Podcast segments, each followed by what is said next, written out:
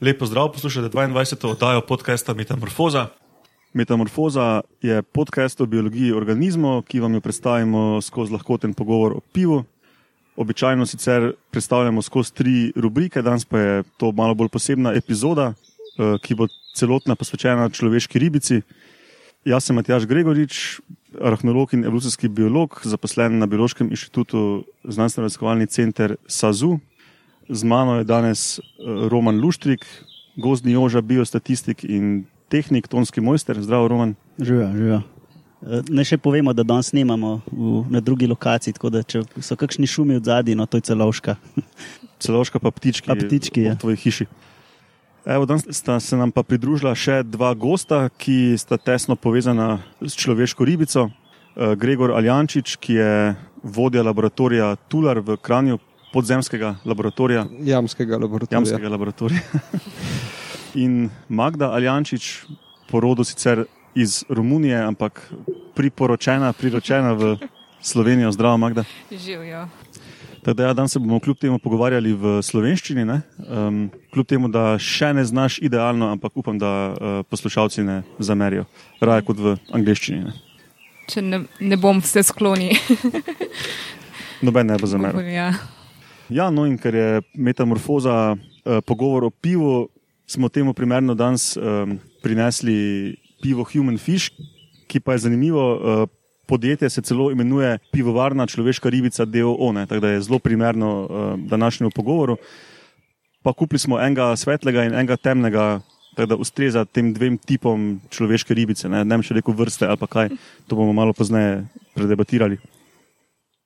Podcast gosti na medijskem mreži Metina Lista na portalu Meta Znanost, to je znanost.metinalista.si.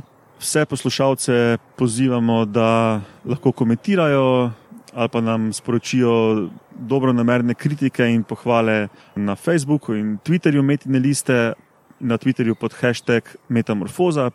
Pišete lahko tudi na e-mail metamorfoza.afnametinalista.si. Drugač pa najdete mene na Twitterju pod Matjaš Gregorič, Roman tebe pod Romunov Ja, In tular Um, keblab. in. Tular je tudi na Twitterju. ne? Pod- Tular keblab. Aha, afna tular, kaj vlep. Ja, Ja. tako.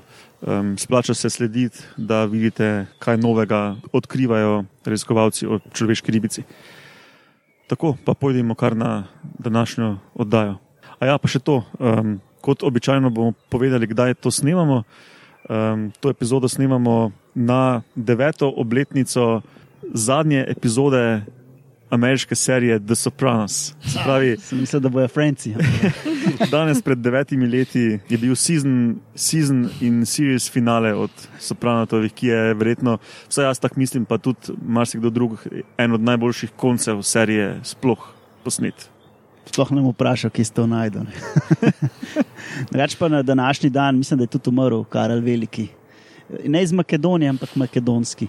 Aha. Ok, zdaj pa res začnimo.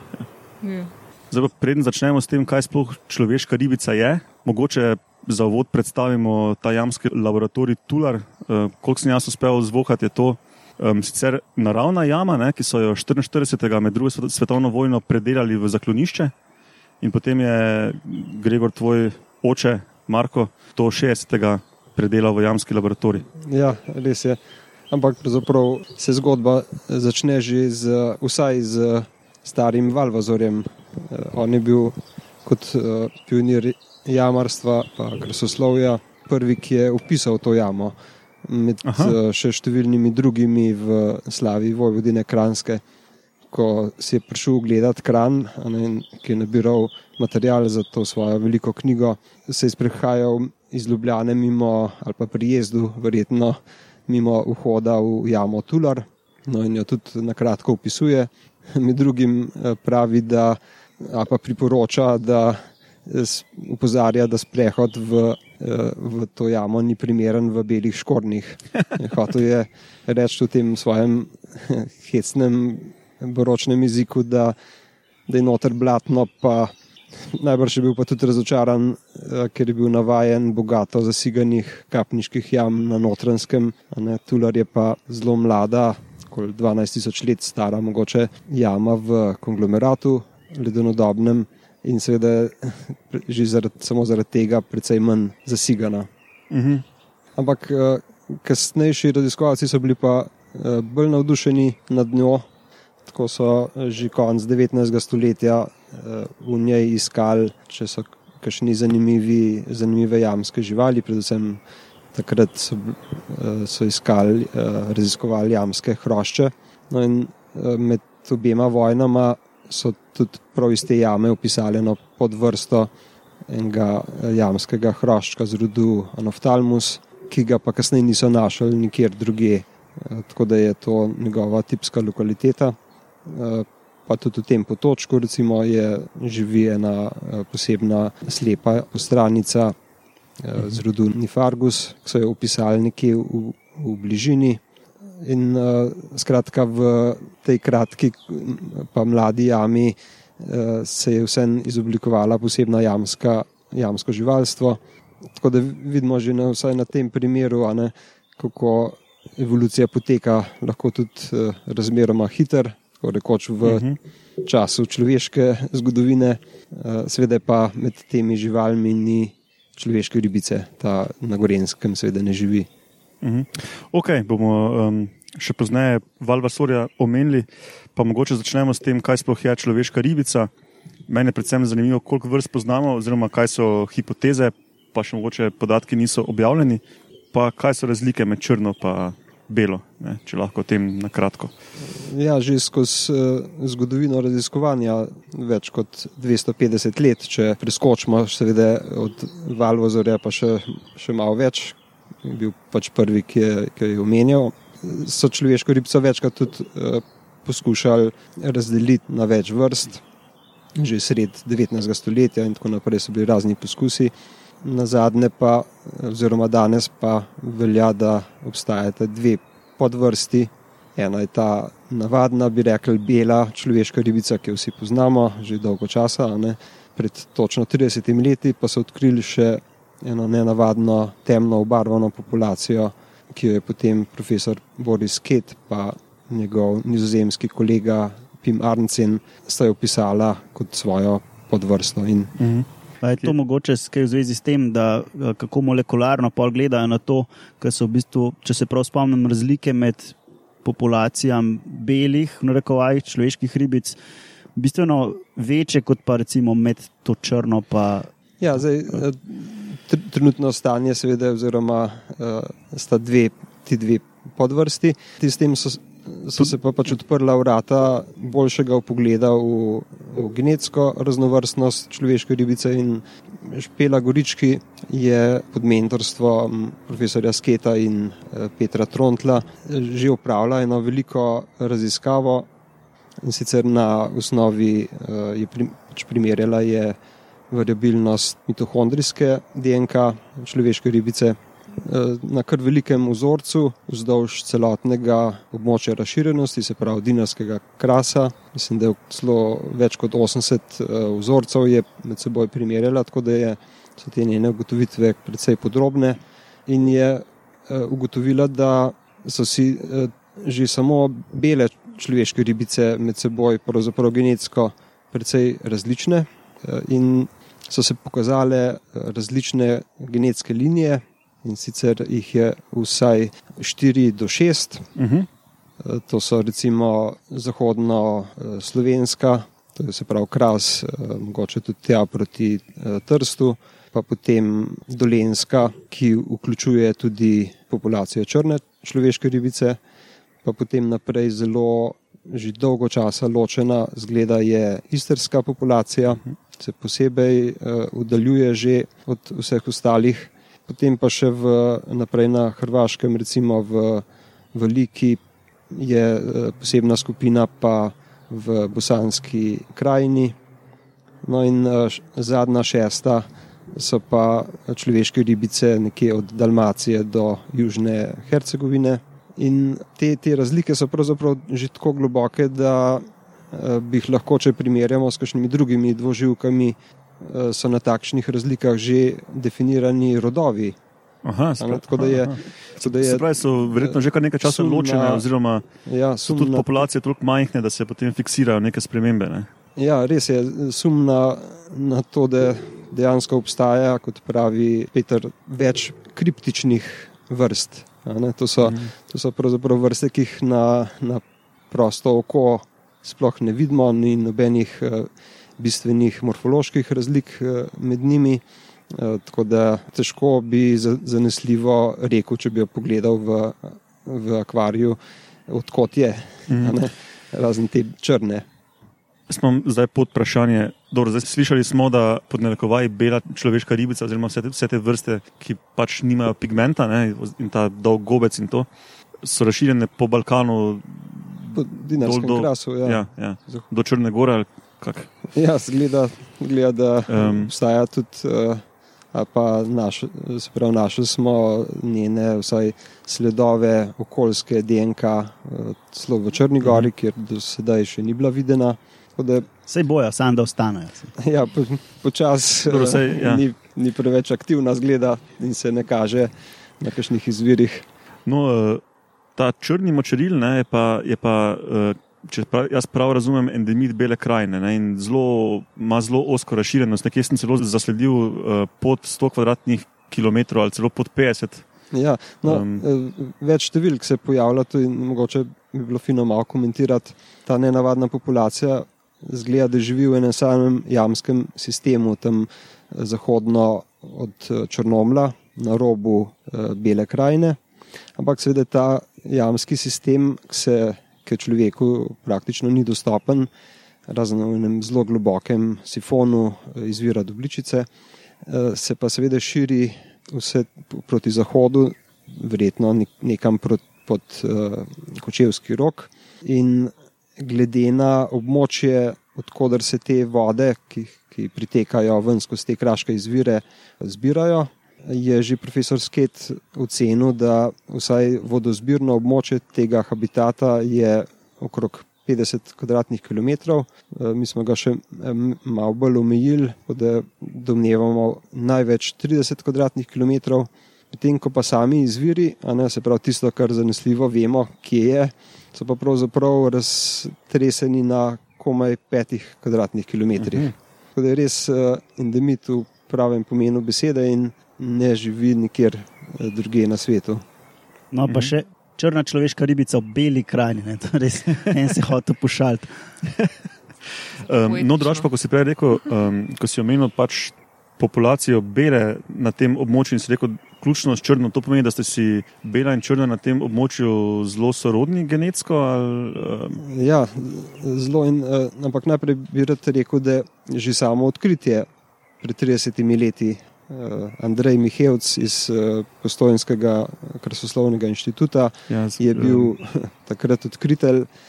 Iskali so nov vir pitne vode za Belo krajino, potem ko se je izvir Krupe izkazal za trajno Ja, zaslepljenega. Ja, ja, s PCB, če se namotam. Ne. Ja, Mm. Nažalost, še, še danes ugotavljajo profesor Bullock s kolegi, da je P- PCB ja še zmeraj toliko v, se pravi, to je polikloriran bifenil, ena od desetih najbolj strupenih snovi, ki jih je človek uh, sintetiziral. Je še zmeraj v tem okolju, predvsem noter v, v sedimentu, v tem jamskem blatu pa pesku. In ob če ne, sicer ob visokih vodah se to premeša in takrat lahko tudi zavohaš eh, to, to nevarno snov. No, in ko so preizkušali edini še preostali vir, to je izvir dobličice, njegovo izdatnost, ne so morali izčrpati črpati vodo in da so izračunali eh, pretok. No, in ker je gladina upadla za več metrov, se je v eni od kotan so pravzaprav delavci našli dve nenavadni uh -huh. človeški ribci in Andrej Mihevce, ko je opazil, da je to nekaj posebnega. Potem sta pa že eh, Sket in Arncen upravila eno mehko analizo sorodnosti na podlagi alocimov in sta ugotovila, da, da pravzaprav med belimi tam v beli krajini pa črno človeško ribico tako mehna razlika, eh, kar si človek ne bi mislil. No in eh, Špela je pa potem eh, to bolj podrobno primerjala še v tem širšem ozorcu in je zelo presenetljivo ugotovila, da so črne umeščene med belimi, ne da bi bile neka mhm. uh, zelo oddaljena genetska linija, in da so bele iz bele krajine bolj sorodne, se pravi, s svojimi črnimi sosedami, kot so si pa bele med seboj. Ja, ja, ja, zanimivo je. Čeprav je, ima več uh, res uh, tudi morfoloških razlik, ki jih lahko opazimo, ne, ne samo stalno prisoten pigment v koži, ampak tudi recimo bolj razvite oči. Tudi sama lobanja je širša in krajša. Tudi širša je in to seveda eh, smo eh, posebej raziskovali, eh, kako se te eh, same lobanje pri teh različnih populacijah razlikujejo. In to ima seveda tudi nek biološki pomen, najbrž eh, naprimer arhitektura lobanje recimo lahko spremeni način eh, se pravi prihranjevanja, se pravi eh, kako uspešen je lov oziroma kako uspešno zagrabijo svoj plen. Vse to je pač odvisno od same morfologije in uh -huh. tako naprej. Ok, mogoče še kot zanimivost povemo, kot smo že rekli, je 86. eh, dr. Andrej Mihajlc iz Inštituta za raziskovanje krasa ZRC SAZU odkril to žival, je pa 94. potem eh, profesor Boris Sket skupaj s tistim nizozemskim kolegom jo opisal kot podvrsto in podvrstno ime je Parkel, ne, všeč prikladno barvi. Ja. Um, no, ok, pa smisel, če bi nadaljevali mogoče z nekaj in, informacijami, kdaj in kako se je sploh začelo raziskovanje človeških ribic in kako je s tem danes, tudi v smislu, koliko laboratorijev po svetu se sploh s tem ukvarja, kdo pri nas se s tem ukvarja in tako. Zdaj, mogoče za uvod sem jaz zbrskal nekaj številk, eh, kot se je rekel, Valvasor je prvi omenil človeško ribico 1689 v slavi Vojvodine Kranske. Sicer v neki zgodbi kot zmajevega mladiča, ne, od tod verjetno izvira tudi to, um, ko še danes radi mediji malo uh, v, tem, v tem smislu poimenujejo to žival. Potem pa je menda žive mladiče dobo uh, skopoli in je preparirane primerke pošiljal okoli uh, drugim naravoslovcem in zbirateljem in med drugim tudi menda Karlo Linne opisal navdušen o, te, o, o tej um, živali, ki jo je takrat menda poimenoval Lacerta ceka, kaj pa potem pre, prehitel uh, z pač nekim formalnim opisom vrste Laurenti 1768. Ne. Skopoli je, je upisal ogromno vrst v okolici uh, Idrije, pa, kjer je bil uh, rudniški zdravnik, pa seveda po Sloveniji. On je tudi skoval, naprimer, mnoge od teh uh, imen so, so še danes uh, veljavna, kar kaže, kako dobro jih je prepoznal. Med drugim je tudi uh, avtor imena Kaudata, se pravi uh, za skupina, rep- kamor sodijo repate dvoživke. Uh, no, in uh, tako mi je prišla pod roke tudi človeška ribica, bila je uh, odrasla žival, uh, ne mladič. In v- njen opis je poslal, eh, tako kot eh, tudi druge, recimo za razne žuželke, gljive in rastline, in tako naprej, takratni avtoriteti, ki je pač seveda pregledala te opise in jih eh, Karl Linne potem je uvrstil v svoj sistem. Ohranu- ohran- Ohranilo se je pismo celo Skopolijevo Lineju. Tako da je ta prvi opis eh, v celoti ohranjen in je res dober. Eh, Se pravi, lacerta, ne, eh, da ne bo koga eh, zmotil. Takrat seveda so kuščarje pa, pa repate dvoživke ne uvrščali v isti koš Uh -huh. a ne, in so bile vse po vrsti lacerte. Ceka pa pomeni jamska, ne, tako da je živa, že iz Kopoli prepoznal, da je to jamska žival in kar pravzaprav dolg časa ni vzbudil pozornosti, ker šele hroš drobnovratnik je, ki je bil upisan nekih eh, 70 let kasneje, je bil tista žival, ki je odprla oči znanosti, da, da je tudi podzemlje eh, ni puščava, ampak je naseljeno s posebnimi živalmi. No, ampak skratka, ta zgodba je pa eh, za Skupolja seveda bila nekoliko eh, bil en tak neuspeh. Eh, Se pravi, Line ne, tega opisa, medtem ko je sprejel številne druge vrste, ne, je pa ta opis zavrnil in je rekel, naj poskuša poiskati odraslo žival. ne. Tako je namreč Line videl, da gre za, za ličinko. ne. po, po teh recimo zunanjih škrgah in tako naprej. In eh, seveda po, po ličinki ne moreš upisati nove vrste. In tako je skupoli revež iskal in, iskal in seveda ni mogel najti. In tudi če dolgo kasneje niso vedeli, da, v čem je zagata. Človeška ribica, kot vsi vemo, ne, ostane celo življenje v telesu ličinke. No, je pa omenjeni Laurentik, se pa ni izmenil za mnenje Lineja, pa, pa drugih eh, takratnih eminenc. Eh, na kratko, zelo jedrnato, pa tudi zelo površno, ampak formalno opisal to, to Mhm. vrsto in jo tudi poimenoval Protus sanguinus.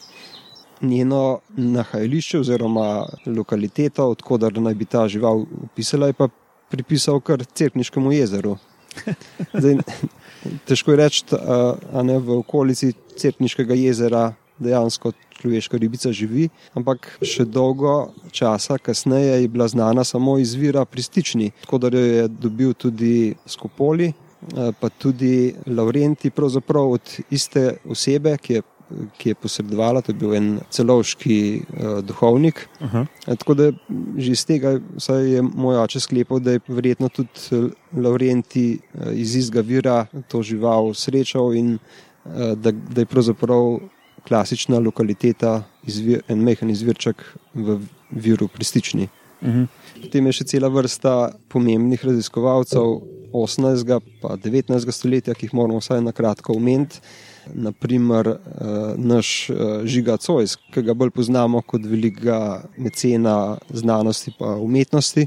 Redko pa se zavedamo, da je bil eden prvih, ki je preučeval, oziroma je bil prvi dejansko, ki je preučeval vedenje človeške ribice in tudi prvi, ki je to nenavadno žival gojil več let v svojem ljubljanskem stanovanju, tam le na bregu, v tej Cojzovi palači. ne, Je imel več živali, mislim, da je 8 let ali koliko. To je kar velik uspeh, ker sicer v ujetništvu, v kakšnih akvarijih in pa čebrih, ki so jih imeli takrat, eh, so večino, a pa skoraj praktično vse propadle v največ nekaj mesecih. Se pravi, Cojs je poskušal ugotavljati, kaj sploh je, eh, potem je opazoval, kako se giba, eh, gledal je celo, recimo, kako se kri pretaka skozi škrge, ker eritrociti človeške ribice so, so med največjimi med živalmi, okrog pol milimetra so veliki, tako da jih lahko vidiš s prostim očesom. In še to, mogoče pri vsem tem, žiga Cojs je tudi zaslužen za to, da vemo, kakšno je bilo sploh vsaj eno od ljudskih imen za to žival. Eh, V, v enem svojem edinem članku je, je napisal, da, ga, da jo v viru pristični imenujejo človeška riba ali bela riba. Aha, Am-. Verjetno so druge po, po Sloveniji, pa naprej eh, na Hrvaškem, vzdolž Dinarskega krasa, pa v Bosni in mogoče tudi eh, imeli ljudje kakšne lokalne imena, ampak potem se je to v 19. stoletju vse poenotilo in skozi promocijo postojnske jame se je pa pravzaprav to ime nekako se potem je prevladal in zato še danes tudi v Hercegovini te živali pravijo pač prevedeno človeča ri- ribica, ampak pravzaprav to izhaja iz eh, vira pristični. No, potem recimo bi lahko omenili vsaj Henrika Frajerja, prvega kustosa Ljubljanskega muzeja, ki je podrobno raziskoval razširjenost človeške ribice in opisal dobršen del lokalitet človeške ribice, kot jih poznamo še danes. Eh, On je tudi skoval ime Močeril, Pa še Oziroma- moje vprašanje. temnotna močarila, ko- kot je rekel, ne, ker kot uh, je uporabil, malo parafraziral ime močerata, nek ima močo rad. Pa to je bilo že uporabljeno, tako je pa rekel, no ta pa rije po moči in se pravi, je postal močeril. No, to je novo tudi za mene, ne, ta Ja, informacija. Jaz tudi nisem vedel. Treba je pa tudi povedati, da smo pač omenili nekaj raziskovalcev tukaj pri nas, ampak v začetku 19. stoletja je človeška ribica postala velika atrakcija, posebnost in vsak eh, naravoslovec seveda je jo tudi uh, je probal nekje umeniti, oziroma se je za njo zanimal, tako uh, razna znana imena, od Lamarka do Darvina. Darwin je, mislim, da prav človeško ribico izbral kot tipičen primer organizma, kjer se izgubijo neki organi v evoluciji, ki niso potrebni ne, v nekem novem okolju. Ne. Ja, mislim, uh, preidemo na 20. stoletje. Ali... Ja, no, eh, seveda, eh, o tem bi lahko govorili celo, celo tole našo oddajo, seveda samo o tej zanimivi eh, zgodovini raziskovanja.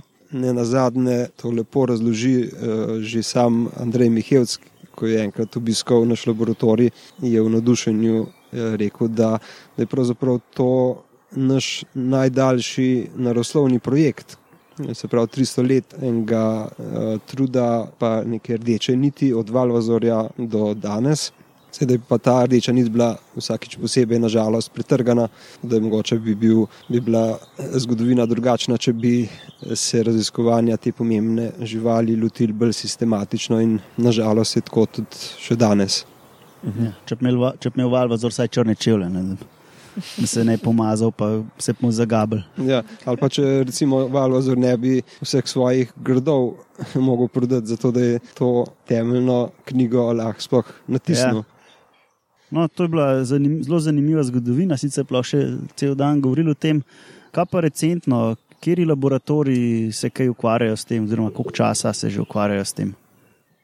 Ja, v že konc 19. stoletja se je so, rekel, sodobna speleobiologija razvijati. Uh, en najbolj uh, pomembnih mislecev tistega časa je bil Emil Rakovica, romunski uh, biolog, ki je z, napisal tako imenovan esej o biospeleologiji. In uh, postavil tiste bistvene cilje te, tega raziskovanja, ki veljajo tako rekoč še danes. In en od takih konceptov je bil tudi jamski laboratorij. Se pravi, v tem človeku nedostopnem podzemljskem svetu je nemogoče eh, preučevati jamske živali in tako so že v začetku 20. Eh, stoletja pred prvo svetovno vojno v Parizu v pariških katakombah uredili enega prvih eh, jamskih laboratorijev in tam tudi preučevali človeško ribco iz postojenskega konca. Ampak leta 10 je, 1910 je pa narasla sena ogromna poplava uničila laboratorij in sabo odnesla tudi človeške ribce, in tako se je ta zgodba končala. V Sloveniji pa že Andrej Perko pred Prvo svetovno vojno eh, začel z to idejo, da bi tak laboratorij postavili tudi pri nas, ampak potem je Prva vojna to preprečila in šele leta 1928 eh, sta profesorja Albin Seliškar in Roman Kenk v podpeški jami tam blizu Turjaka na Dobrepolju, uh, uredila naš prvi tak laboratorij, ki pa nažalost deloval samo par let. Zaradi nepodpore eh, so morali zapreti vrata komaj na začetku. Leta 1931 je pa Andrej Perko v postojinski jami uredil sodoben velik laboratorij s paleobiološko postajo, ki je delovala do leta 60 ko je spet eh, tak, eh, v povojni vodstvo prevzel Albin Seliškar.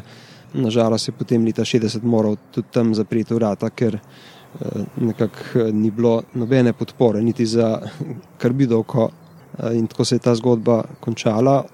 Istega leta je pa moj oče Marko Aljančič za svojo diplomsko nalogo napravil načrt za, za jamski laboratorij v, v jami Tular omeniti moramo predvsem velik, pa sodoben laboratorij, ki so ga po drugi vojni uredili v Franciji, v francoskih Pirenejih, blizu Andore, v jami Molis.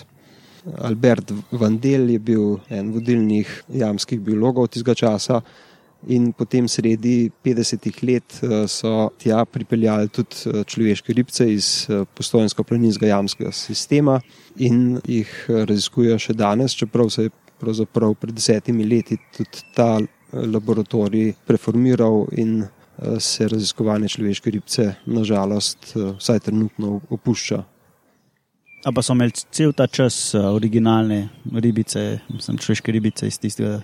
A so jih omenjali, vmes, kaj veš? Ja, začetka so imeli precej težav z kako zagotoviti gojitev teh živali. Tako da so jih v več uh, rundah morali uh, pripeljati, vmes so tudi uh, živali propadle.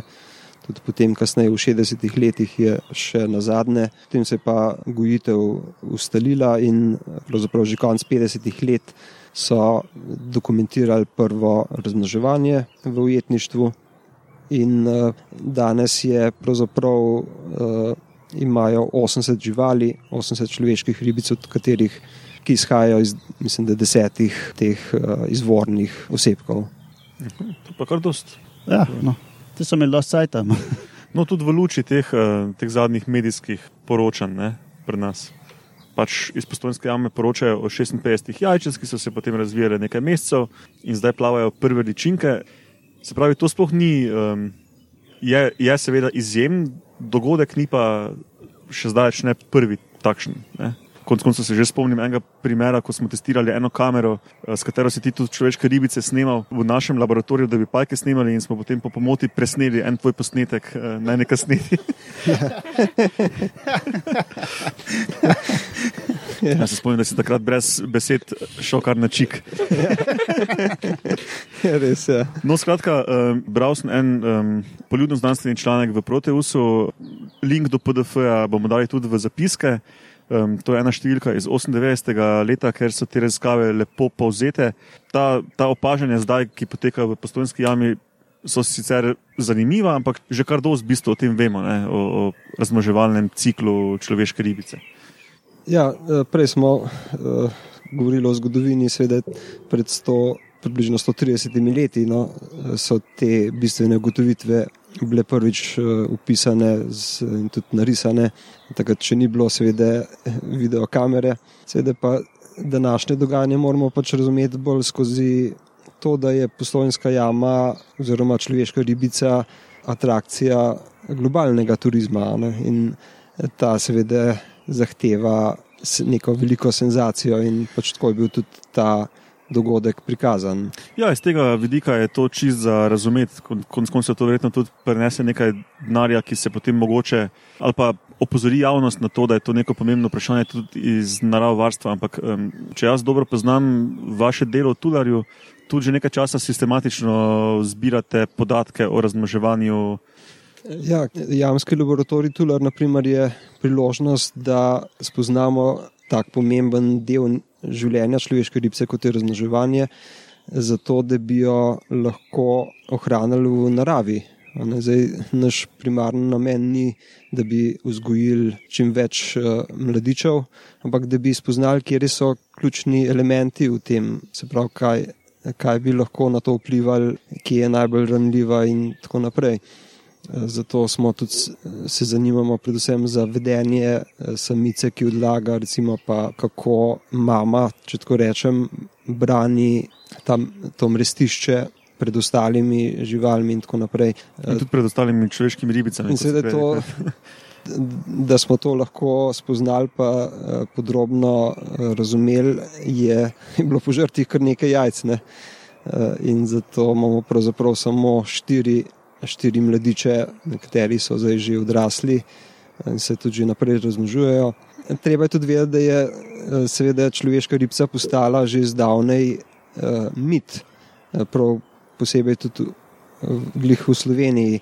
Ne, da je človeška ribica ni samo naš simbol kraške narave, ampak je tudi, kot se reče, nesnovna kulturna dediščina. Ne, zato pravzaprav jo vsak uh, tukaj čuti neko posebno naklonjenost do te živali in tudi je veliko podpore pri njenem varstvu in uh, posluha med v javnosti.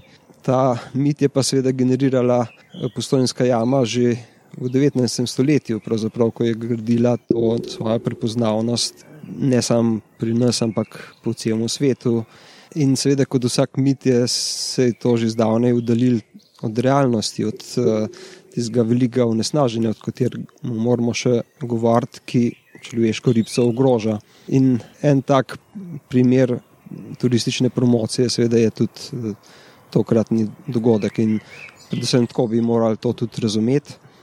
Uh, seveda smo veseli novih turistov, ki bodo prišli v Slovenijo, ampak bistveno je pa vsem verodostojnost prezentacije te živali, ki je tak velik simbol. tukaj ugotavljamo, seveda, da, da ni veliko presenečenje za znanost. To pa seveda ne pomeni, da tudi na primeru sedanjega od, odlaganja jajčec in izleganja in tako naprej, in vse, kar bo še upam sledilo, ne bo prineslo tudi kakšnih novih spoznanj. Ampak to zahteva tudi zavedanje tega, kaj so že naši predhodniki uh, ugotovili, uh, in uh, mnoge ugotovitve iz 19. stoletja so še danes v pomankanju podatkov relevantne. In tukaj nas preseneča, kako je ta promocija načrtovana. Kako se, kakšne informacije se pojavljajo v domačih, predvsem pa v tujih medijih, ker potem nas poznajo. In če bi videli, da je pravzaprav tega, te senzacije ni, potem bo tudi se to obrnil, bo slaba reklama za Slovenijo. No, če tako rečem kako problematično je pa uh, potem spraviti te mladiče do spolne zrelosti, recimo, oziroma mogoče lahko na tem mestu tudi malo umestimo, sploh kako dolgo živijo, koliko pogosto se razmnožujejo, kako dolgo sploh rabijo do spolne zrelosti, čisto take splošne. Značilnosti. Ja, se pravi, skoraj vse, kar vemo o tem razmnoževanju, pa vse prihaja uh, iz takih in drugačnih jamskih laboratorijev, se pravi, daleč stran od njihovega naravnega okolja. Eh, iz narave skoraj da nimamo nobenih podatkov, ampak vsaj v jamskih laboratorijih pa kaže, da se eh, da samica ne odlaga jajčec eh, vsako sezono, kot bi pričakovali, ampak v povprečju mogoče vsakih sedem let. Prav so zelo dolgi razmnoževalni cikli kar bi lahko razložili z, z pomankanjem hrane v podzemlju. Se pravi, bi lahko špekulirali, da, da je se skozi evolucijo strategija razmnoževanja razvijala v to smer, da je jajčec manj, da so bolj opremljena z rumenjakom in tako naprej, so tudi večja in seveda tudi ne vsako leto, ker vso to energijo prijema vsega jajčeca, posebej mora samica, tako rekoč, prihraniti v siceršnjem pomankanju ali pa celo tudi uh, občasnem sezonskem stradanju skozi več let.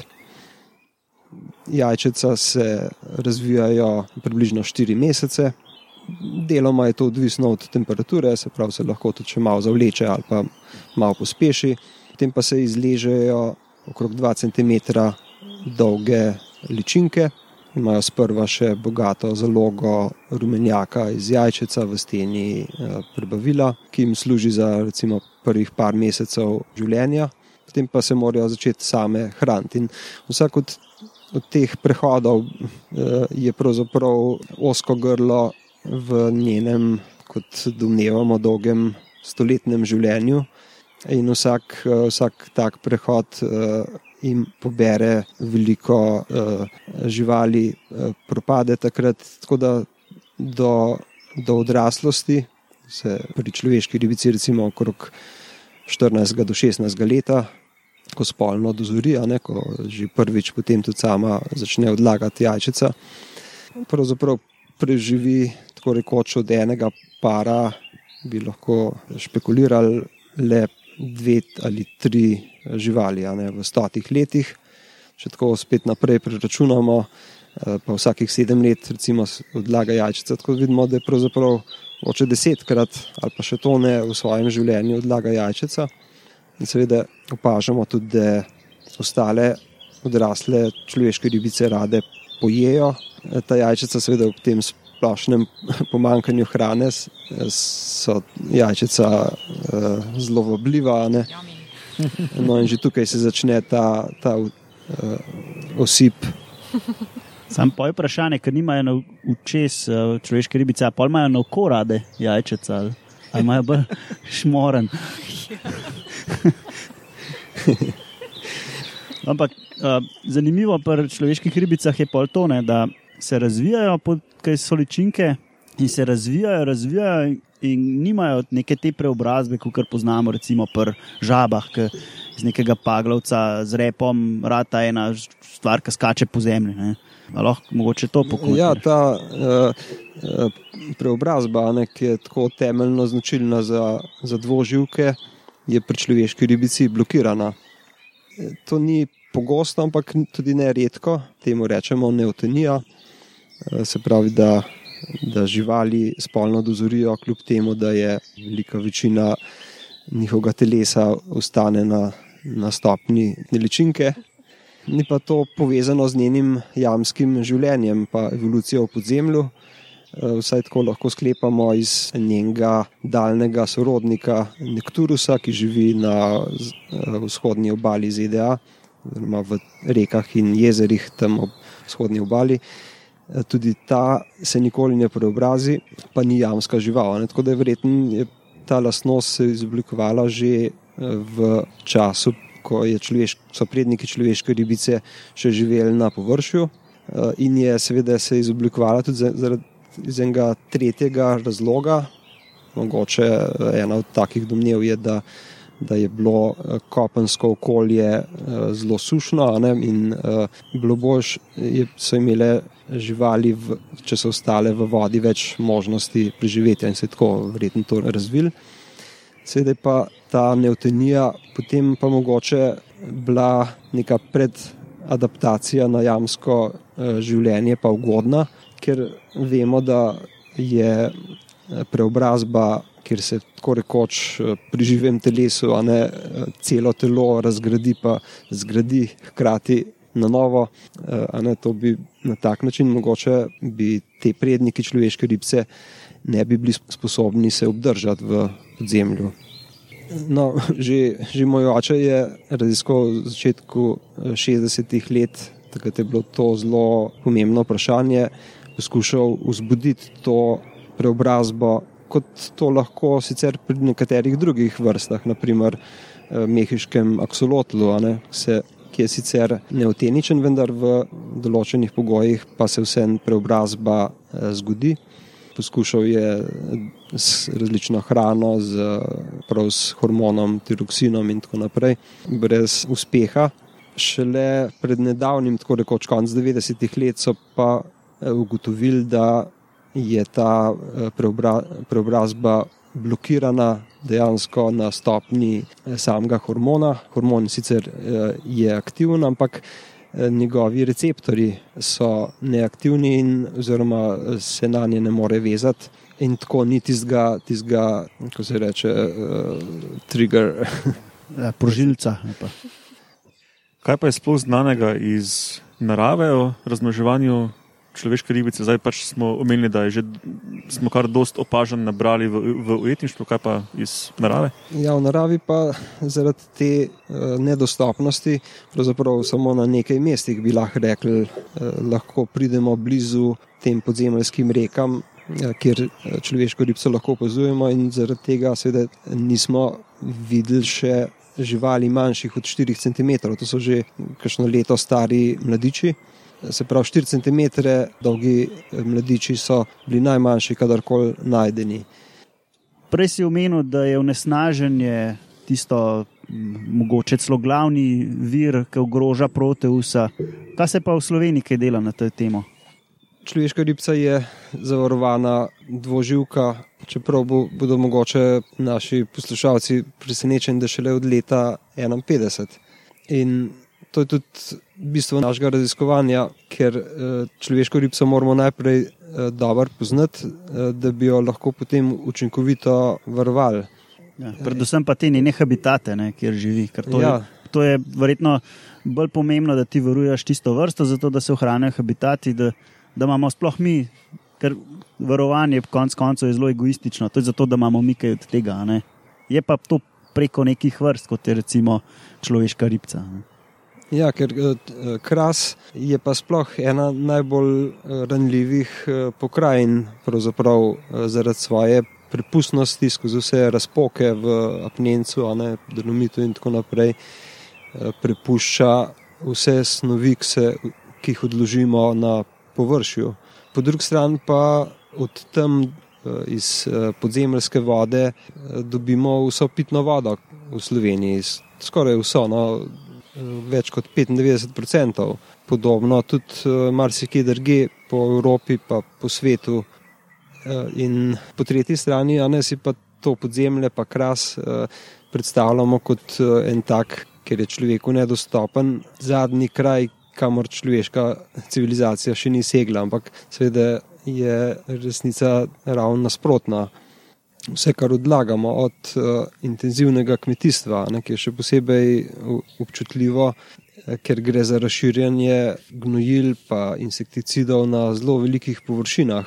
Ne, to ni točkovno, ampak je razpršeno, onesnaževanje, konstantno pa neurejena urbanizacija, ne, ta, ne, ne samo neizgrajene kanalizacije, ampak tudi odlagališča, pa tudi ne samo una črna odlagališča, smo jih že odnegdaj, eh, smo radi vse odpadke odmetavali v Kraška brezna, ne, ki je za, za vasjo, e, so še danes polna večinoma starih e, smeti, ampak med njimi seveda so tudi mnogi okolju nevarni odpadki, končajo. Ne, ampak ne samo ta črna odlagališča, tudi javna odlagališča, ki niso ustrezno urejena, ne, da nimajo neke nepropustne podlage, pa potem odvajanja teh izcednih vod, pa čiščenja teh, teh onesnaženih odtokov.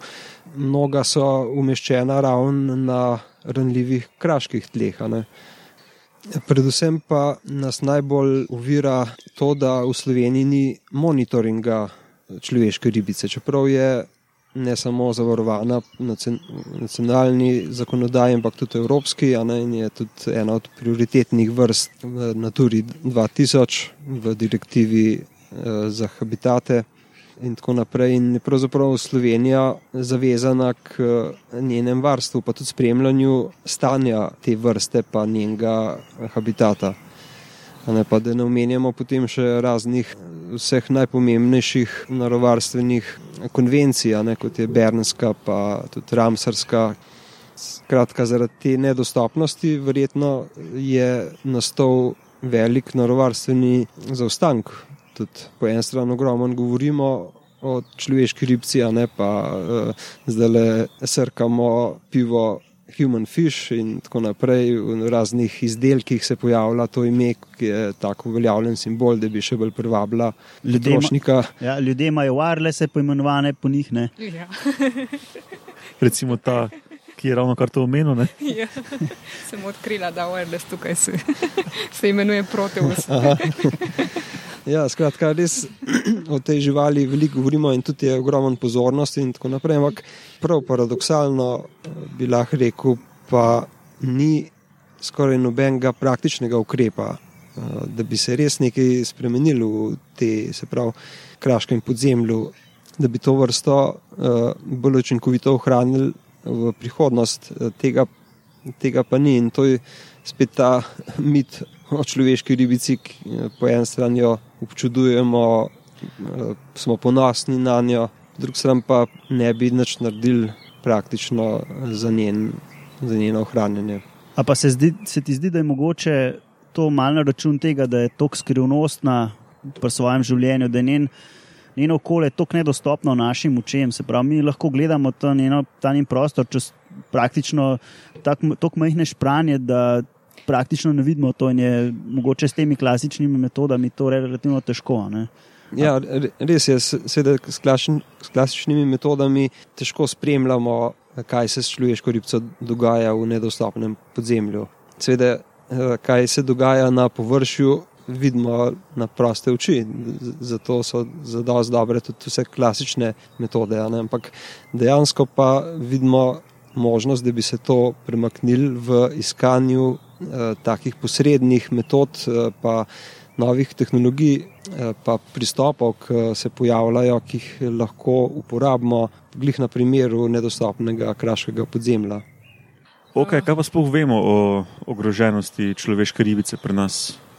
Uh, torej smo uh, analizirali uh, obstoječe podatke iz uh, eh, 87, ko so uh, inštitut za krasa izpostojene so tam uh, v Beli krajini so analizirali kvaliteta vode in kaj sploh uh, se dogaja tam v, v izviri. In potem sem tudi uh, uporabila uh, podatkov iz uh, 2014 od Arsa. In uh, po eno samo zelo enostavna GIS analiza se, se vidi, koliko velik so razlike. razlike med uh, skoraj 30 let.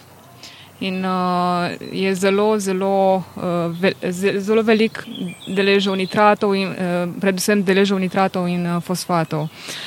Uh, če, Se pravi, v zadnjih 30 letih je bil full velik porast v deležu nitratov Ja, in fosfatov ja. v vodi. In zakaj se je to zgodilo? Pravzaprav z- z- zaradi tega, da eh, na površini so kmetijstvo, je zelo intenziven kmetijstvo, eh, so vino, vinogradi tam. Domačini uporabljajo veliko Biognojev, kar se bi- zdaj bi- pojavlja. Ja, biognoj. In ta, ta gre direktno na te vodi in eh, potem vse se spremeni. In v, v ta vodo seveda eh, tudi proteus živi in eh, to je kot eh, indikator za, za našo pitno vodo. In če sam ta izvir obstaja za Belo krajino, ne vem, prihodnost ne izgleda tako dobro, kot uh, more biti. In uh, zato smo uh, ta met, uh, novo metodo uporabili, da odkrijemo več lokalitetov uh, Proteusa, da vemo, kje se da var, varovati habitat. Uh, smo, odkrili, smo uporabili novo in res inovativno metodo za odkrijene uh, lokalitet, lokalitete Proteusa in da vemo, kje se da varovati uh, habitat Proteusa in kje je zelo nujno varovati ta habitat.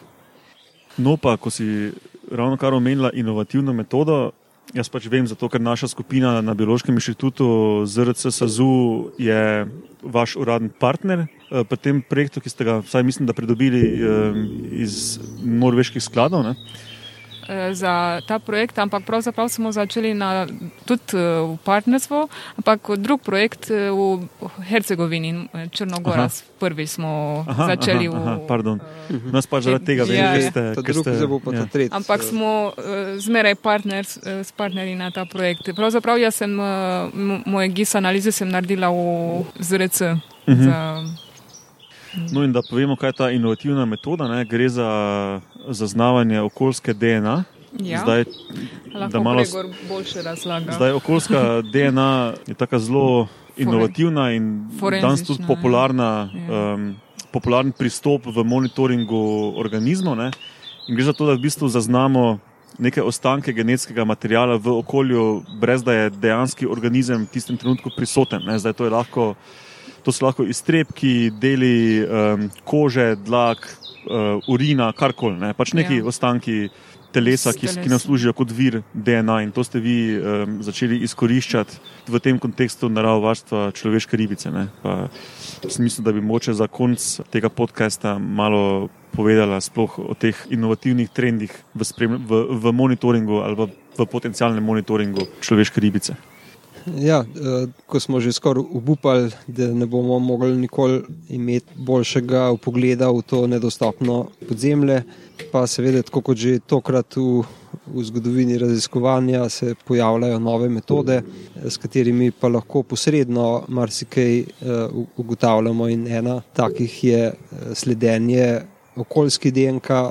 In pred parimi leti, pravzaprav je leta 11-12, so se pojavili prvi članki na nekih eh, ameriških eh, močeradih, so površinske vrste eh, in v tem tudi naša ideja, da bi tako metodo lahko uporabili pri iskanju razširjenosti človeške ribce.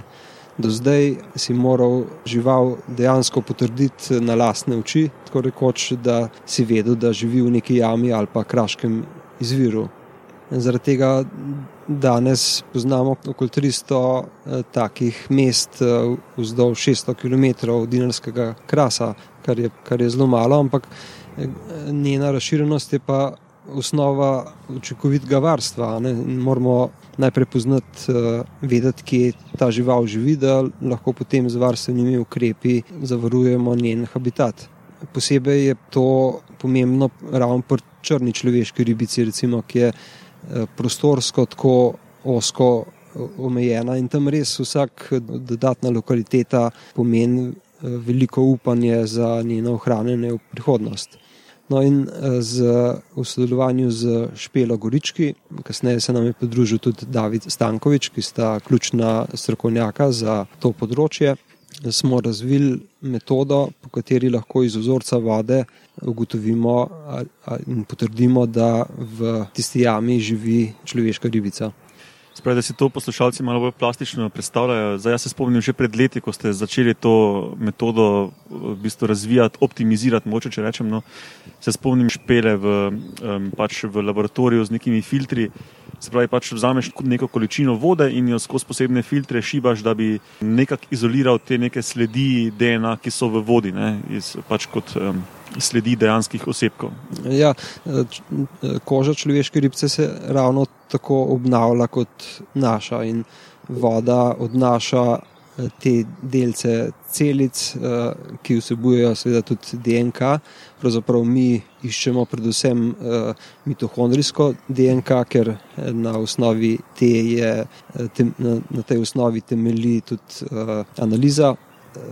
Mitohondrijo je ogromno v vsaki celici in s tem tudi večja verjetnost, da bomo ujeli kakšen delček te DNK, medtem ko jedrna je seveda veliko manj.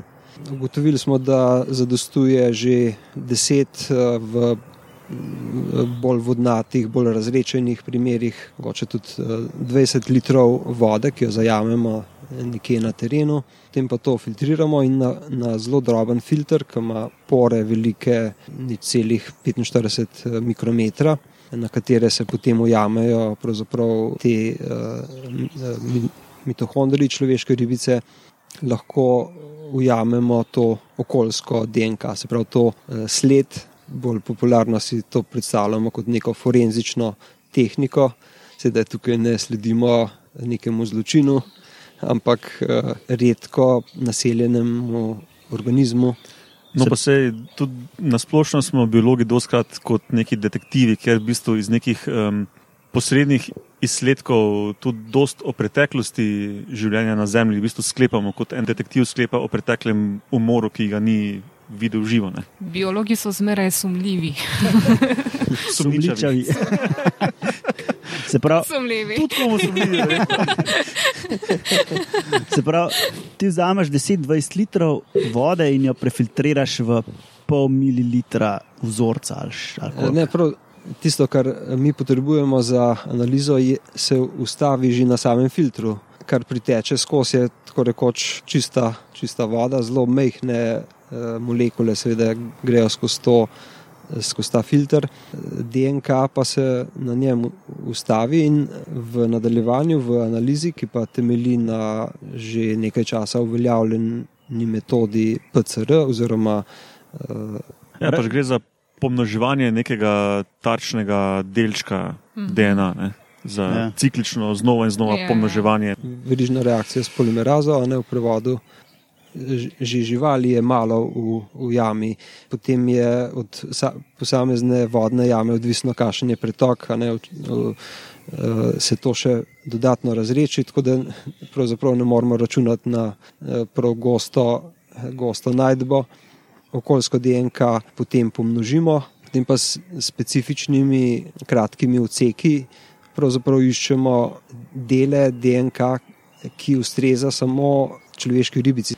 Kratki odseki DNK, ki jih je eh, špela ugotovila eh, tekom njenega raziskovanja filogenije človeške ribice, pravi, ugotovila, na katerih mestih, pa katera zaporedja so tista, po kateri se človeška ribica loči od vseh ostalih, recimo nekoliko bližjih dvoživk in tako naprej, je tisto sito, ki nam pove, ali je v vzorcu res tudi DNK človeške ribice. Notor je marsikaj tudi od DNK drugih uh, jamskih, uh, pa tudi površinskih organizmov, ne, ki jih nosi seboj voda, ampak uh, ravno z takimi ključnimi, specifičnimi primerji, kot rečemo, lahko potem eh, v tej metodi potrdimo prisotnost človeške ribce. Se pravi, če bojo začeli američani CSI snemati, imamo z CSI, CSI Jelševnik že prvo epizodo. Ja, ja, ja. Pravzaprav smo ja. odkrili ja. še pet lokalitetov za črni proteus. No, to je le, ja. Ja. Ja. Pri tem ste bili kar uspešni. Ne? V eno leto smo odkrili še pet lokalitet črnega človeška ribica. In se je s tem kaj razširilo območje, ki ga zdaj Ja. poznamo? Ja, zdaj imamo, š, š, poznamo še vzhodno habitat, ne? boljše smo razširjeni do, do vzhoda. Vemo, kje pravzaprav živi. Smo našli sledi tudi tam. Ja, Bolj bolj natančno smo začrtali območje izvirov s, člove, s črnočloveško ribico. Pravzaprav na, eh, na enem od teh robov celo zaznali, da se pojavlja tudi signal oziroma sled eh, bele človeške ribice. Do zdaj namreč ni nihče še videl bele pa črne skupaj v, v, ist, v isti jami ali pa istem izviru. To je pomembno, eh, čeprav so si ti izviri zelo blizu, mogoče dva km stran, je pa ključno vprašanje za razumevanje evolucije te živali, ali kdaj pridejo v- stik in eh, zgleda, da vsaj v določenih hidroloških razmerah eh, se te vode pretakajo tudi čez meje eh, teh jamskih sistemov in takrat lahko pridejo te živali v stik. Ampak pri medtem, ko smo metodo začeli razvijati eh, v Črni Gori, pa Herce, predvsem Hercegovini, kjer je Špela izbrala primerje, ki ustrezajo vsem znanim populacijam, se pravi, da so čim bolj univerzalni, da delujejo za, na vse človeške ribice.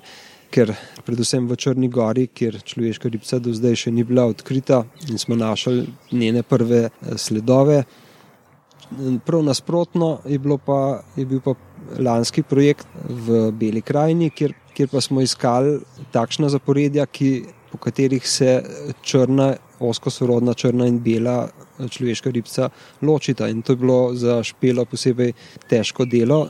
Ni bilo tudi veliko možnosti v tej oski sorodnosti, ne, da je lahko ločila tako dve sorodni eh, populaciji. In ravno skozi to raziskavo, pa pravzaprav ta okoljska DNK, eh, ki je predvsem eh, naravovarstveno urodje, pa nam bo mogoče prvič eh, lahko eh, dala odgovor tudi na osnovna biološka vprašanja, kot smo prej omenili eh, o ozemeljski eh, povezanosti bele in, in črne populacije. Uh -huh. in recimo ta, ta naša, naš prvi projekt v okviru eh, velikega mednarodnega programa za varstvo eh, biotske raznovrstnosti Critical Ecosystem Partnership Fund, ki deluje po celem svetu in je posebno območje, je, je ta mediteranski bazen, v okviru katerega eh, smo mi tudi eh, raziskovali razširjeno človeške ribce je vzbudila precej zanimanja tudi pri drugih skupinah, eh, ki eh, poskušajo zaščititi redke pa ogrožene živalske vrste. Ja, sej um, okoljska DNA je zelo uporabna. Od tega, da lahko neke tudi uh, fosilne ostanke genetskega materiala s tem najdemo, recimo ohranjene v permafrostu, um, do tega, da je mogoče olajšan čistnik monitoring biotske pestrosti, ker pač ta razvoj genetskih oziroma genomskih metod omogoča zelo hitro in masovno in cenovno učinkovito vzorčenje te biotske pestrosti v primerjavi z klasično po morfologiji, ker rabiš ti eno hordo strokovnjakov, ki to fizično in povzročijo, se pravi invazivno povzročijo in potem morajo to pregledovati v bistvu osebek za osebkom, tukaj pa gre v bistvu za neko genetsko mašinerijo, kjer lahko ti z um, dosti bolj učinkovito metodologijo priješ do nekih ocen pestrosti in tako naprej. To ima ful uh, potencijala. Ja. Ja, l- lahko tudi omenimo, da podobno metodo eh, s pridom eh, uporabljajo že nekaj let eh, tudi pri nas, na primeru recimo eh, sledenja medvedov, pa, pa tudi volkov v oddelku za, za biologijo. To smo mi. Ja. Eh, a Ne, tam eh, tudi zbirajo te, te podatke in dejansko celo veliko bolj podrobno, ne, ko sledijo tudi posameznemu osebku. Mm. Eh, Tako da se vidimo na tem uspešnem primeru, kakšni podatki se, se zdaj kažejo in seveda razumevanje migracij in tako naprej. Pa tudi recimo pri človeški ribici z velikim pričakovanjem čakamo na rezultate še enega podobnega projekta, ki ga vodi Peter Trontel, Poskušajo namreč odgovoriti na eno od ključnih vprašanj, koliko je sploh človeških ribic po vseh teh jamah, eh, podzemeljskih rekah. Na podobni osnovi, z, vendar s študijem jedrne DNK, bodo poskušali oceniti eh, njihovo številčnost, in to, je, to bo osnova za spremljanje trendov velikosti teh populacij. Se pravi, ali To je pa ključno vprašanje varstva človeške ribice, ali se njihovo število povečuje, ali se zmanjšuje, in eh, osnova za eh, bodoči monitoring. Ok, bi še kaj dodali, preden gremo na vprašanja poslušalcev? Po Twitterju smo pozivali, in tudi po Facebooku, no, smo pozivali poslušalce, da lahko zastavijo vprašanja, in smo jih nekaj tudi dobili. Recimo, profesor Matjaš je vprašal, če bi lahko imel človeško ribico tudi v akvariju, pa mislim, da smo delno na to odgovorili že s tistim, da je bil izjemen Valvazorjev, ne, uh, izjemen Cojsov uspeh, uh, da jih je 8 let gojil. Ne. Se pravi, ja, lahko bi jih gojili v akvariju, če je to bazen v jami. ja, seveda, uh, moramo še enkrat povedati, kar že vsi vemo, da je človeška ribica strogo zavarovana žival in da seveda ne moramo samo zaradi svojega osebnega navdušenja take ogrožene pa redke živali izpostavljati gojitvi doma. Pa tudi to, da v veliki primer, večini primerov so take gojitve dejansko neuspešne in po nekaj mesecih najkasneje te živali propadajo zaradi neustreznih razmer. Mhm. No, potem Agata je vprašala več kot eno vprašanje. Postavlja, um, kaj bi se zgodilo s človeško ribico ob osvetljevanju? To sklepam, da bolj cilja na to, ali ji svetloba škoduje. Ja, če bi jo gojili na, na svetlobi, bi se razvil kožni pigment in tudi bela, navadna človeška ribica bi po več mesecih postala tako črna, kot je črna človeška ribica ampak seveda potem po daljšem obdobju v temi bi, bi uh, ta pigment spet izgubila. Vsekakor je pa izpostavljeno svetlobi eh, stres za žival, ker skozi to je ena od osnovnih adaptacij, saj tako domnevamo na to podzemeljsko življenje. Namreč, ko se človeška ribica približa jamskemu vhodu, ko začuti eh, kar s kožo, namreč koža je občutljiva na svetlobo tudi na koncu repa, tako rekoč, zazna, da je osvetljena in eh, se obrne nazaj v temo. Ker tiste živali, ki so plavale naprej na površinske vodotoke, so postale hitro plen, recimo plenilskim ribam, pa vodnim pticam, seveda niso preživele in tako se je ta, ta lasnost eh, izoblikovala in jim služi, seveda, sedaj, da preživijo v podzemlju, kjer so pa kot največje jamske živali glavni predatorji in uh mhm. -huh. kot levi v afriški savani. No, Agatino drugo vprašanje je bilo, ali črna človeška ribica še vedno velja za endemično. To smo v bistvu odgovorili skozi pogovor. Ja, um, mogoče bi sam dodal, da ne, pred 30 leti smo se čudili v Sloveniji, ki je, ki je dobro raziskana, čeprav ne še zdaleč ne do konca. Ne, kot eh, že sam ta primer kaže, ne, ne smemo biti presenečeni. Če se pa morda kje drugje po dinarskem krasu skriva še kakšna podobna, nenavadna populacija. Uh mhm. -huh. Tudi za naslednjim hribom, tako rekoč eh, na dinarskem krasu, je to možno. Uh mhm. -huh.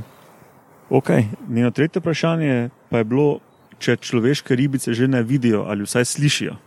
Spravi, kar očitno pač kaže na to. Um, povedal si že, da zelo dobro zaznavajo svetlobo kot nek tak drug čut, ki je ojačen, če tako rečem. Imajo um, še kakšne druge čute, ki so zelo izraženi? Ja, pravzaprav tudi samo v tem bi lahko porabili čez cele vdaje. Človeška ribica je uh, razvila vrsto nenavadnih ali pa jih uh, izostrila uh, čutil, ki služijo seveda v tem uh, kraškem podzemlju. Med drugim kaže, tako je ugotovil uh, moj mentor, profesor Petr Šlegel. In sem imel priložnost, da sem spremljal to njegovo raziskovanje, izjemno sposobnost sluha.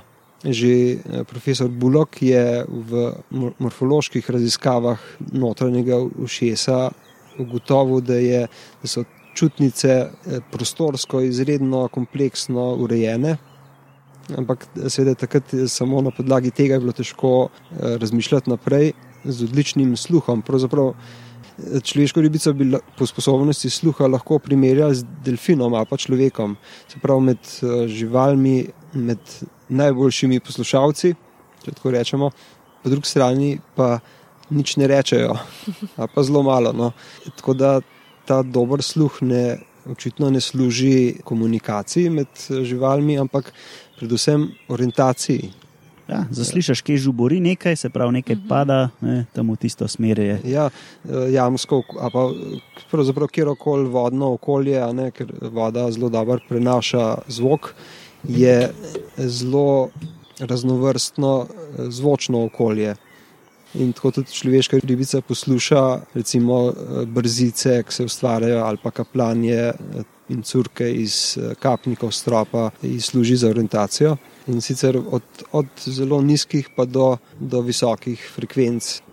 Tu se mi še eno, eno podprašanje poraja. Uh, glede na to, da ne morejo pleniti s pomočjo videa popolni temi, uh, imajo mogoče, če, če se to sploh ve, no, lahko moče kakšne električne signale plena zaznavajo ali kaj takšnega. Glede na to, da je, da je voda tudi dober medij za prenašanje takšnih signalov. Ja, ali pa kakšen rejo receptora, ne, da zaznava te tokove, mikrotokove.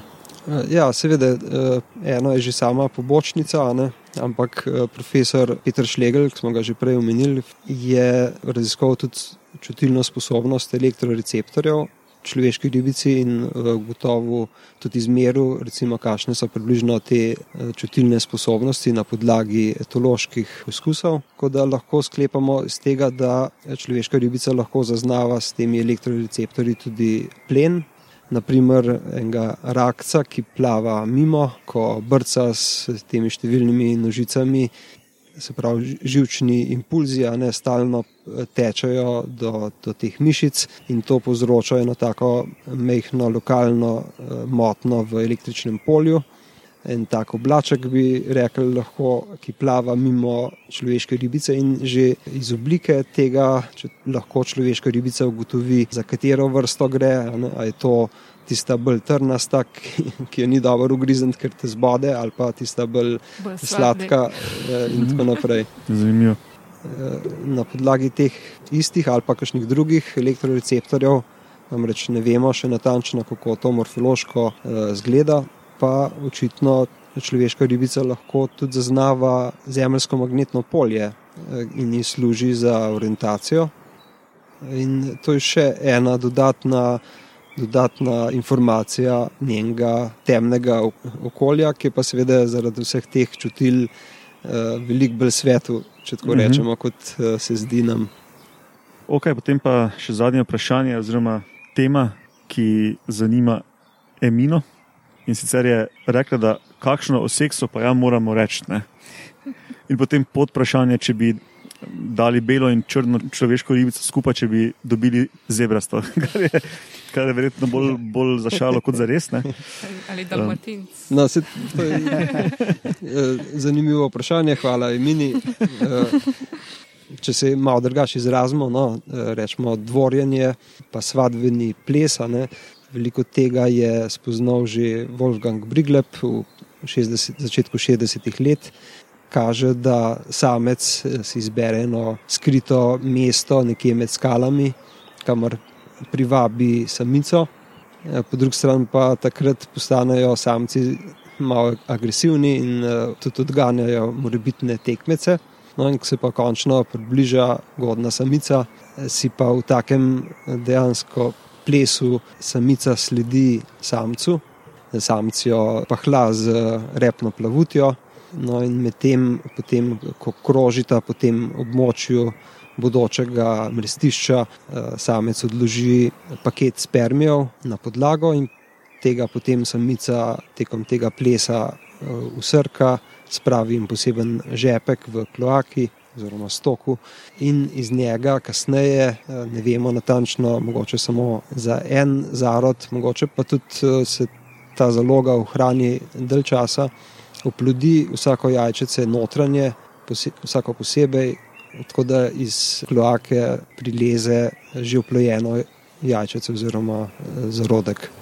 No, se pravi, imajo notranje oploditev, to sem pa pozabil. Ja, se pravi, v bistvu to zelo podobno pupkom in močeradom, ne, ker so pač samci znani, da plešajo pred samicami in jih pahljajo z repom pred, Ja. pred glavo in jo v bistvu probajo zvabiti na, za- na začrtano mesto in potem zmanipulirati nad ta spermatofor, ta, ta paket sperme. Ne, s tem, da Ja, pri, pri teh, ki. Um, Pri nadzemnih repatih krkonih, se pravi, dvoživkah z repom, imajo tudi samci, so bolj obarvani, pa imajo neke grebene, pa to ne. Ne vem, če je to prisotno pri svadbenih ritualih Ja, človeških eh, ribic. pravzaprav ena nemška raziskovalka, eh, Marie von eh, Chauvin z konca 19. stoletja, je ugotavljala, da se pojavljajo neki barvni vzorci, celo pa tudi, da se ta kožna plavut na repu, eh, na kodra in tako naprej.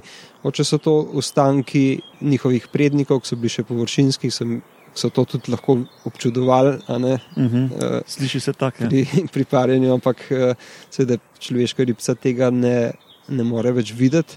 Veliko bolj pomemben je pa von, sploh v, komunikaciji med eh, človeškimi ribicami. Kaže, da, da na podlago odlagajo neke, neke snovi, ki jih z vonjem zaznavajo sovrstnice. Aha, se pravi, da bi neko kvaliteto partnerja lahko tudi prek tega ocenjevali. Recimo. Ja, to, Tako je. ne, ampak ne samo pri razmnoževanju, ampak tudi sicer v So teritorijalne drugače? Pardon, če sem te prekinil. Uh, teritorijalne so očitno pri tekom razmnoževanja, ampak uh, naši kolegi iz Budimpešte so že pred nekaj leti označili s posebnimi silikonskimi barvili v zelo majhnih količinah na repni plavuti več osebkov in jih zdaj opazujejo že, že vrsto let in presenetljivo ugotavljajo, da so te eh, živali še vedno na, najdejo na isti skali po tolikih letih, eh, kar kaže, da, da se pravzaprav niti ne gibajo preveč po, po jami. Seveda, ko so poplave, jih lahko tudi raznese eh, daleč naokrog, ampak da so prostorsko zelo omejene. To smo opazili tudi v Tulorju, ampak eh, smo si do zdaj to razlagali kot eh, posledico omejenega življenjskega prostora v teh betonskih bazenih. Tako da zgleda, da imajo svojo skalo, pod katero se skrivajo. svoje Zanimivo. stanovanje. Ja. Ja, ok, no. Potem pa mislim, da lahko zaključimo ta naš pogovor, ki je že itak full dog, pa se vama, Gregor in Magda, zahvaljujem za pogovor. Hvala za povabilo. Um, poslušalce pa še Ja, pozivam, da ostanejo na vezi in poslušajo javljanje z terena, ki smo ga posnela Roman in jaz. Pa še nekdo. Pa še nekdo. Še jaz eh, sam to, da se zahvalil za tisto na koncu, sem prej Magda je že. eh, Hvala lepa za povabilo Matjažu in Romanu, pa veliko čestitk za popularizacijo znanosti, ki, kot slišimo v teh oddajah, ni tako suhoparna, kot si mogoče še kdo misli. Ja, res je. Hvala. Hvala lepa.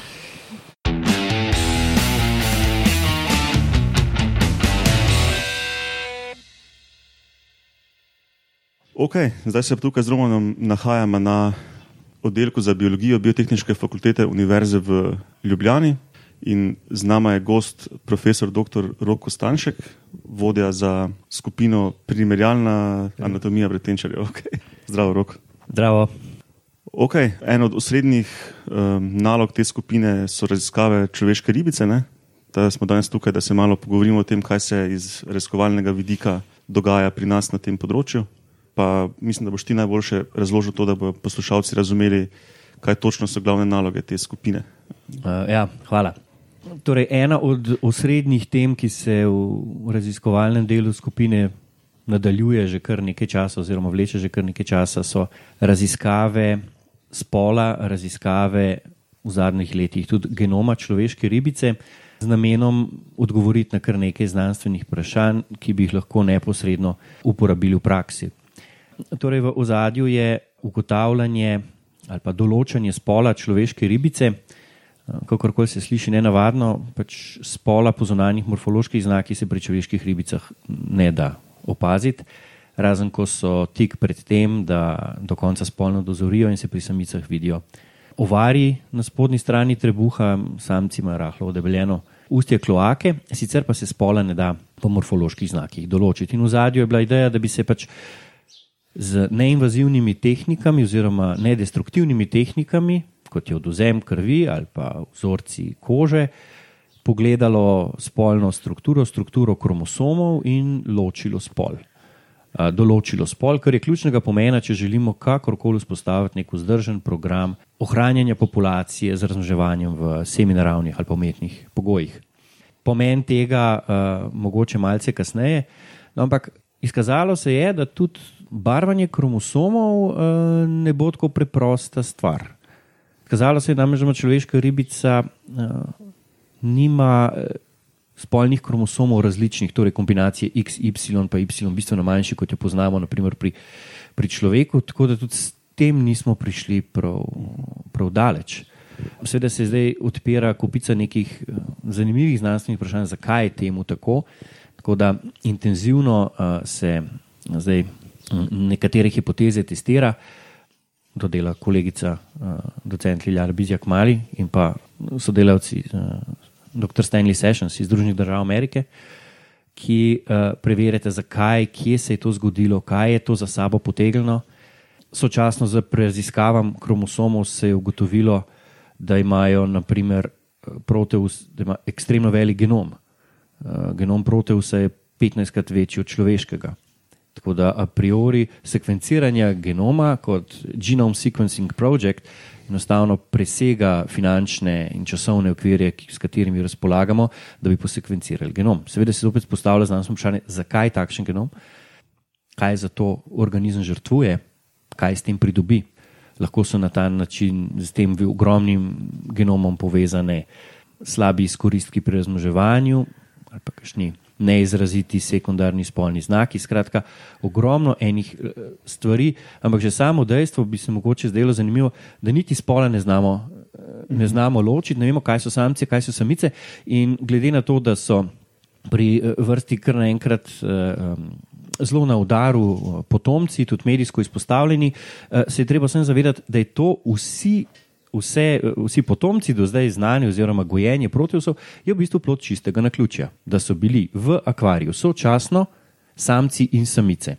Mhm. In če bi želeli vzpostaviti en vzdržen program vzreje, uh, se seveda tega tako na ta način ne, ne, moramo, ne moramo pristopiti, ampak je treba vedeti, kaj so samci, kaj so samice in predvsem, kakšna je stopna njihove spolne zrelosti. Tukaj nastopi pogled v njihovo hormonalno sliko kar je naslednji uh, aspekt raziskovalnega dela skupine, uh, ki se ga bomo lotili uh, z naslednjim letom, zelo intenzivno. Mogoče še nekaj na ozadje, zakaj bi bilo dobro imeti gojitveni program za proteuse. Torej, po eni strani je to tisti skrajni izhod v sili v primeru pogina ali pa izginotja naravnih populacij. Slišali ste že, da so izjemno občutljive, nekatere populacije so tudi prostorsko omejene na zelo, zelo majhne kvadrature. In če tam pride do hudega posega v okolje ali ponesnaženja, lahko izgubimo celotno populacijo. In v tem primeru je edino, kar ostane, program revitalizacije, torej vnosa umetno vzgojenih, umetnih pogojev vzgojenih osebkov nazaj v naravno okolje, ampak to je res tisti, da ne bom rekel, ne rečem ravno uh, skrajni izhod v sili, do katerega nam pa še zelo veliko manjka. Upamo, da do, do tega ne bo prišlo. Ja. Ja.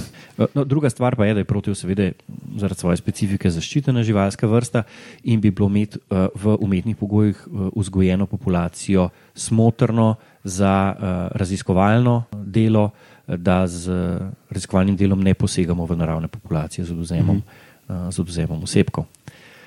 Določanje spola oziroma ugotavljanje spola se a priori navezuje tudi na druge uh, drugo raziskovalno delo, ki poteka na, na oddelku. Tako naprimer skupina pod vodstvom dr. Petra Trontla raziskuje raznovrstnost oziroma uh, številčnost populacije proteusa, uh, imajo projekt, na katerem uh, delajo dela kar nekaj sodelavcev in ker te, projekt temelji na odozemu genskega materijala, bi bilo poiskati neke genetske markerje za ugotavljanje spola, za določanje spola, ključno, da bi iz tega že nabranega materijala lahko vzpostavili tudi pregled populacijske genetike, strukturo populacije v naravi, koliko je samcev, koliko je samic. Vse kaže, da je populacija nagnjena v tem, da je več samic, zakaj je nestabilna. Skratka, ena tako osnovna metodologija, ki bi odgovorila na kupico nekih um, vprašanj zastavljenih, oziroma ki se porajajo sproti. Pa še mogoče bi lahko ocenili velikost populacije, ne? ker če imaš uh, prepoznane osebke. Ja, je, ta del pa že poteka, torej, tako je pa zastavljen projekt, ki ga vodi uh, kolega Trontl. Torej, gre za analogno zgodbo, kot je bila z uh, velikim medvedom. Ne? Tako da tukaj gre prav, prav za to. Torej, ponovni ulov, ugotavljanje genetskih markerjev za posamezne osebke, pogledati, koliko smo jih polovili, koliko je bilo zlovljenih, koliko je ponovno lovljenih, koliko so migrirali po, po, po jami, tako da bi se tudi te. Um, tak je, rekel, osnovni biološki parametri, koliko se posamezno osebek premakne v strugi, ene, eni dostopni strugi, kot je naprimer planinska jama ali kaj drugega, je slabo poznano. Slabo poznano. Uh, prebral sem tudi, da delate hematološke raziskave na človeških ribicah, se pravi, to je verjetno povezano s tem, z njihovim imunskim odzivom, pa dovzetnostjo neke spremembe v okolju. Tak, Ja, uh, zdaj, tukaj gre uh, hematološke raziskave v osnovi so bile mišljene kot gojenje krvnih celic, zato da bi imeli poleg organizmov iz narave, organizmov, ki jih imamo v laboratorijih, imeli tudi tkivne in celične kulture. Ker je mhm. material, ki zopet zagotavlja kontinuiteto dela, raziskovalno delo brez poseganja v naravne populacije. Tukaj smo precej uspešni, uh, ravno kar zaključuje magistrantka svoje, svoje delo pod vodstvom sodelavke Bizjak Maljeve. Uh, tako da upamo, da bomo vzpostavili en tak sistem hm, tkivnih kultur, vsaj krvnih, se, s katerimi se da delati. Uh, tudi z drugimi celicami zaenkrat uh, kaže dobro.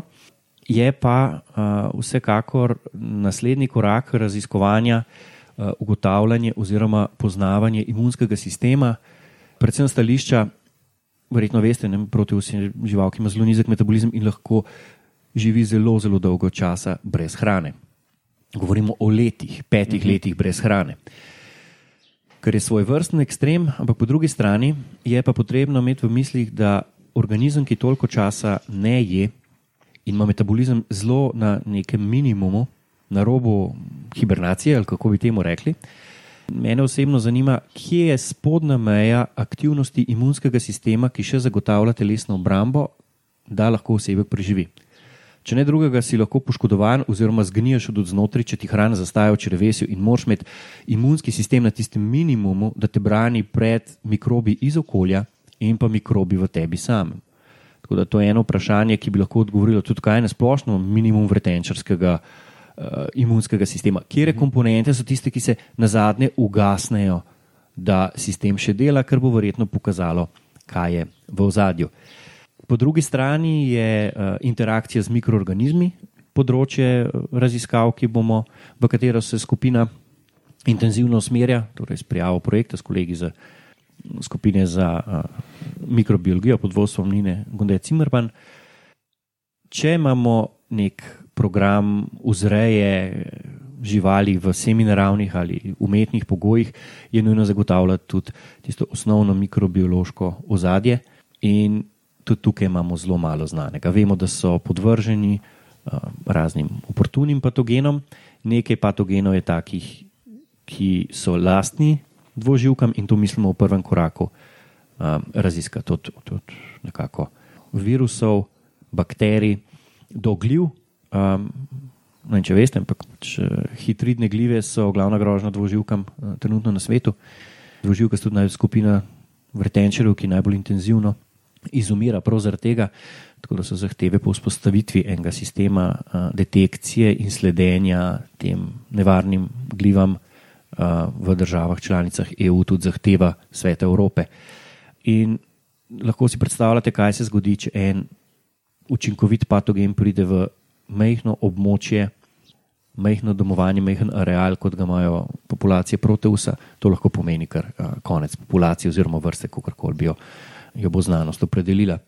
Tako da je poznavanje tega in pa tisti prvi preventivni ukrepi, sigurno ena stvar, ki jo moramo vzpostavljati. Tukaj se bomo seveda navezali v programe vračanja izbruhanih človeških ribic nazaj v naravno mhm. okolje. Tudi tukaj je treba paziti.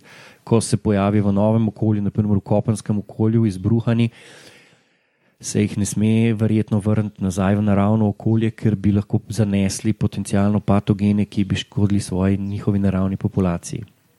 Tako da možnost navezave na delo uh, sodelavcev ali pa kolegov, ki se ukvarjajo z isto uh, problematiko oziroma z istim organizmom, kot je jamski laboratorij Tular, naprimer, uh, bo tukaj seveda uh, nujno in tudi nekako vzpostaviti ta rekel, sistem monitoringa patogenov, kaj je, kaj lahko škoduje, kako se razširja, po drugi strani, kako se telo brani. To bi nekako bila ta osnovna, osnovna slika. Spet naslednji aspekt, vezan na mikroorganizme, je vzpostavljanje ozadja in preučevanje normalne mikrobiote kože proteusa.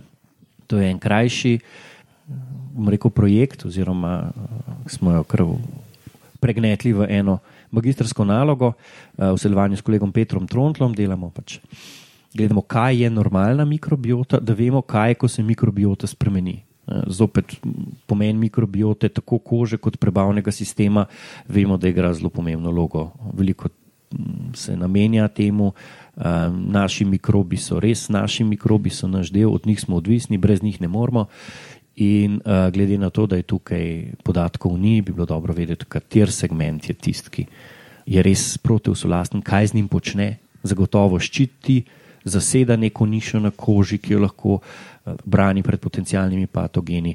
In tako, tako da vprašanj oziroma tem veliko, nekaj sem jih izpostavil.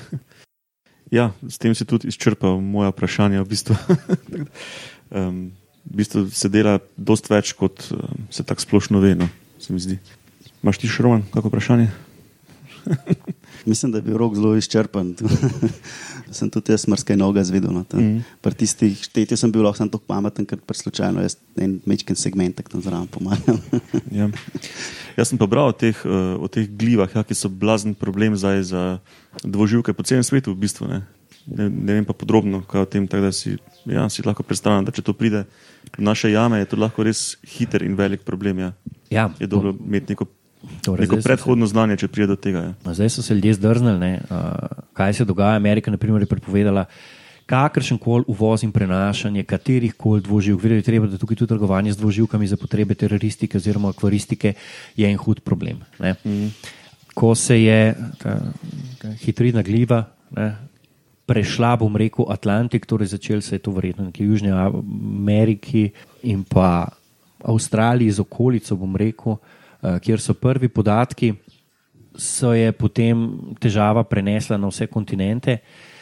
In uh, ob prehodu v Evropo, naprimer, so imeli na nizozemskem ekstremen pomor navadnih močaradov, kjer je zbrisalo več kot 200 odstotkov vse populacije. Ne.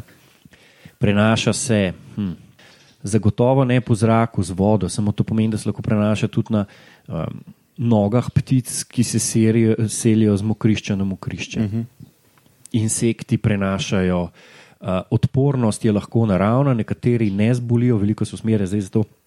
Uh, veliko interesa je zdaj ugotoviti, kako se uh, stvari uh, lotiti. Ne. Nekaj, da slediš, kako, škoda, kako se škoda širi, po drugi strani je pa fino ugotoviti, kaj narediti, da se prepreči. No, in eno od težišč je tudi, ali pa eno od idej je vzpostaviti boljše pogoje za normalno mikrobioto, ali pa poiskati v normalni mikrobioti, kožni, dvoživk, tiste komponente, tiste mikrobe, s katerimi ta hitridna gliva ne gre skupaj, oziroma uh mhm. -huh. deluje inhibitorno in okrepiti ta del naravne mikrobiote. Ne. Ja, v bistvu. Uh... Sovražnik mojega sovražnika je moj prijatelj. V, bistvu, v tem smislu, nekako. Ja. Uh, to je zgodba. Zdaj, aj protus res lahko zelo ranljiv, kar se tiče hitridnih gliv, ne vemo. Imamo pa primere pri nas, naprimer v, v naših akvarijih smo imeli težave, ne samo hitridnih gliv, nismo imeli v akvariju, imeli smo težave s črnimi kvasovkami, hude mhm. poškodbe, razjede na kožah, skratka, groza, čista akvaristična. Ne.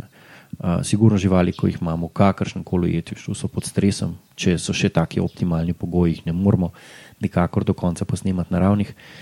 In taki osebi, ki so vedno nagnjeni k temu, da, da uh, lahko zbolevajo, manj so odporni, in tukaj vidimo, da je cela plejada stvari, s katerimi si lahko, oziroma ko jih prepoznamo, jih lahko zdravimo. Ne? Nekatere živali smo tudi uspešno zdravili v sodelovanju z uh, sodelavci iz veterine.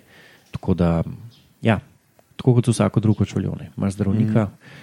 Tukaj je pač res, da je žival tako specifična, da se osnovne biologije tako malo zna in ve, da je včasih težko pomagati. Enostavno ne vemo in se učimo na napakah, kar traja že generacije. Ne, ni, ni to uh, lastnost uh, raziskovalcev, ki zdaj delamo z, na tem organizmu. Ne. Ja, ok. Pol pa rok, hvala za pripravljenost, da si malo komentiral. Ja, z, z veseljem, hvala za, hvala za povabilo v oddajo. Ne. Ja, ok, pa hvala poslušalcem za poslušanje, ne? pa Roman tebi za vodenje oddaje, pa, pa do poslušanja naslednjič.